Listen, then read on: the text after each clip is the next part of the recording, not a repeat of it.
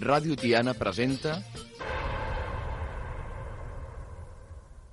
un show històric.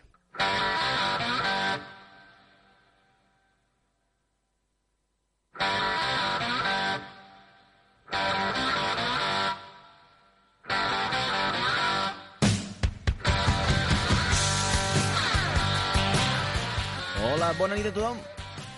Doncs aquí estem amb el 44è programa d'un show històric, a la local Ràdio Tiana. Són les 9 de la nit, i és dijous. Recordeu que tots aquests programes els podeu tornar a escoltar també els dissabtes a les 4 de la tarda, els dilluns a les 3 del migdia i els dimarts a les 6 de la tarda, en cas que us perdeu algun. A més, de poder-lo escoltar també quan vosaltres, si vulgueu, al nostre canal d'e-books, la local Ràdio Tiana, concretament el podcast Un Show Històric. Dit això, avui tenim amb nosaltres a un dels futbolistes més importants que té el futbol internacional en aquests moments. El seu recorregut passa des del club de futbol del Sevilla i també al Real Madrid, a més del Paris Saint-Germain. D'aquesta manera, porta tota la seva vida dedicant-se a aquest esport. Així que donem una forta benvinguda al defensa sevillà, Sergio Ramos. Bona nit. Eh, hola, buenas noches. La verdad que se está bien hoy aquí, ¿no? bueno, pues mira, hoy vamos a hablar sobre lo que viene siendo la importancia de los aborígenes americanos durante la conquista de Sudamérica. ¿Qué te parece? Bueno, pues la verdad que en ese sentido, pues, pues no lo sé, ¿no? La verdad es que es complicado. bueno, oye, pues deberías saberlo ya, hombre. ha dicho, pues bueno, mira, ya, ya estudiaré para la semana que viene. Ya me ha dicho, eh, es que me has pillado, ¿sabes lo que te digo? bueno, pues ¿sabes qué te digo? Que muy bien, que vamos a comenzar ya.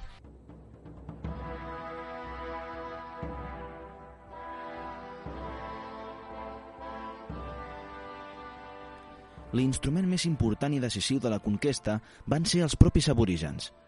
Per molt ben armats, cohesionats, motivats i protegits pel Déu cristià, hem de pensar que Hernán Cortés, qui va emprar uns 2.250 europeus en tot el procés de conquista, 1519-1521, però mai al mateix temps, amb menys de 100 cavalls, entre 30 i 40 canons o 200 armes de foc portàtils, escopetes i ballestes, conquistés, gràcies a aquest avenç tecnològic i aquesta quantitat d'armes, un imperi de 200.000 quilòmetres quadrats i 11 milions d'habitants. En realitat, l'aliança amb diverses ètnies enemigues dels mexiques, com tlaxcalteques i totonaques principalment, que van oferir a Cortés entre 150.000 i 200.000 homes durant el lloc de Mèxic Tenochtitlan, maig-agost del 1521, és la causa principal de la caiguda de l'imperi mexicà. Com reconeix la moderna historiografia mexicana, els propis indis van conquistar Mèxic. La idea subjacent que hi ha en aquesta teoria és la següent. La de Mèxic no és una guerra europea de conquesta, sinó una guerra entre mexiques i els seus enemics aborígens que va ser dirigida per una elit militar estrangera que havia arribat al territori i es va aprofitar dels resultats del conflicte.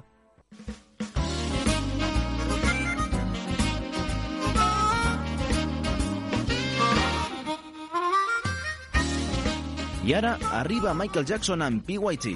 Som-hi!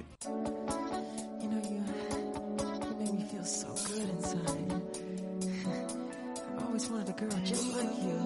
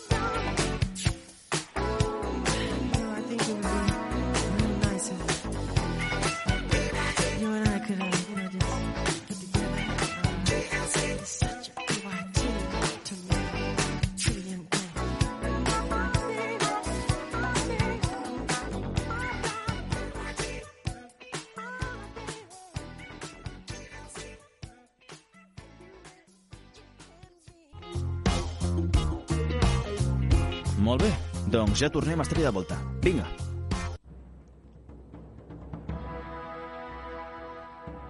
La riquesa provindria de la terra i del control sobre els indis. En canvi, les elites natives, que es desconeixen entre si i no van saber res de les conquistes precedents d'altres pobles, es van sentir desmoralitzades pels seus propis temors i tradicions, però també per les reaccions il·lògiques dels seus adversaris, que no entenien. D'altra banda, els castellans feien servir sistemàticament el terror per imposar-se en les seves lluites, seguint uns paràmetres que els indis desconeixien o feien servir molt esporàdicament. Quan va arribar la derrota, els indis van poder dir que els seus déus havien mort.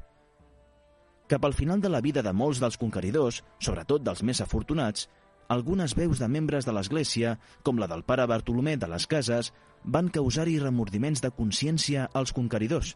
Abans, Cortés havia enviat a Roma un ric present consistent en pedres precioses i objectes d'or. Molts conquistadors van deixar en els seus testaments quantiosos donatius per a hospitals, convents i altres fins religiosos i benèfics per fer callar remordiments. Bueno, ¿y, y ya se acaba todo? Pues sí, eh, ¿quieres comentar algo que te haya parecido interesante? Bueno, eh, la verdad es que sinceramente ha habido momentos de tensión en los, en los cuales pues he estado con la guardia alta, ¿no? Otros con, con la guardia baja, pero... Uf, no sé, ¿tú qué crees? Bueno, puede ser, puede ser. Pues oye, que sepas que ha sido un placer haberte tenido hoy aquí con nosotros y ya sabes, que vuelve cuando tú quieras. Gracias, hombre. Y bueno, eh, un placer i, i a seguir així, jo. Bueno, doncs, fins aquí el programa d'avui. Així que, si us ha agradat de veritat aquest episodi, no oblideu que podeu tornar a escoltar-lo demà al nostre e-books totes les vegades que hi vulgueu. I, com sempre, un plaer haver estat un altre dia aquí amb vosaltres, així que una abraçada i fins la propera. Adeu!